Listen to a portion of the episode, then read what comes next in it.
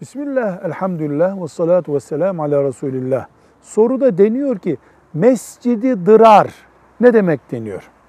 Tevbe suresinin 107 ve 108. ayetinde geçen bir konudur bu. Münafıklar Kuba mescidi ki mübarek bir mescittir. O mescidin cemaatini bölmek ve Müslümanların gidişatını dikizlemek için, cemaat içinde bir bölme oluşturmak için yanı başında bir mescit daha kurdular.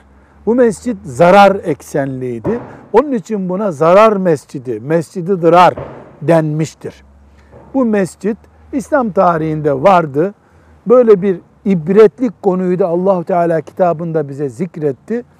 Böyle bir dönem geçti. Müslümanlar birbirlerine karşı bu tip faaliyetleri günün birinde yaparlarsa neye benzeyeceklerini bilsinler istemiş olabilir Allahu Teala. Velhamdülillahi Rabbil Alemin.